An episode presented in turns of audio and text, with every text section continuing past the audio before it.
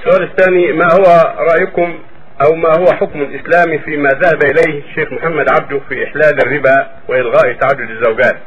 وحس به ذلك. وما شابه ذلك. إحلال الربا أمر خطير. لا يحل الربا إلا كافر. لكن من قال إنه يحل الربا ومن قال إنه يمنع تعدد الزوجات هذا يحتاج إلى مراجعة في كتبه. ولا علينا من الأشخاص إنما علينا من الحكم حكم الله جل وعلا. أما الأشخاص فكل يخطئ ويصيب. كل يغلط إلا ما عصمه الله وعافاه وإلا فبنو آدم معرض للخطأ والأغلاط. ومحمد عبد له أغلاط وغيره له أغلاط. لكن المقصود أن الربا لا يجب إحلاله من الناس أبدا. ومن أحله عن عمد وعن بصيرة يعلم أنه ربا ثم يحله. يعاند الله ويخالف أمر الله يكون كافرا نعوذ بالله. كالذي يحل الزنا أو يحل الخمر. يكون كافرا. أما إذا غلط واجتهد في بعض أنواع الربا ورأى أن هذا جائز لأجل كذا وكذا وشبه عليه.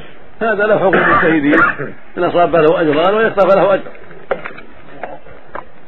وكذلك عدد الزوجات. كثير من المستشرقين النصارى وغيرهم من اليهود وغيرهم كتبوا في ذلك. وانتقدوا الإسلام وانتقدوا الشريعة في تعدد الزوجات. وهم الغالطون وهم المنتقدون وهم الضالون. وكثير منهم يعرف ذلك. ولكن العناد والحسد والبغي والا فكثير منهم يعرف أن ما جاء في الشريعة من تعدد الزوجات هو الحق وهو الحل لمشاكل الناس. وقد كتب في ذلك منصفوهم من رجال ونساء واعترفوا بأن ما جاء به الإسلام من التعدد هو الحق والهدى وهو الطريق لإنقاذ البشرية مما وقعت فيه من الفساد في الأخلاق.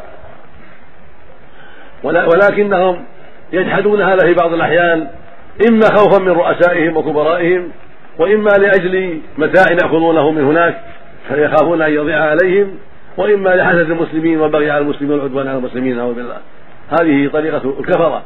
وإلا فالمنصفون منهم يعلمون أن تعدد الزوجات فيه مصالح كثيرة وفي خير كثير وهو من أسباب حل المشاكل القائمة في العصر في كراهة السفاح والزنا والفواحش.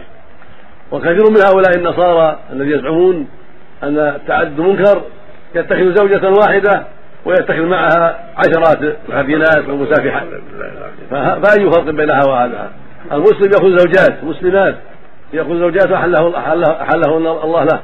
وأولئك يأخذون مسافحات زانيات فاجرات فرق بين فرق بين المسلم وبين بين هؤلاء. فالمسلم في خير عظيم.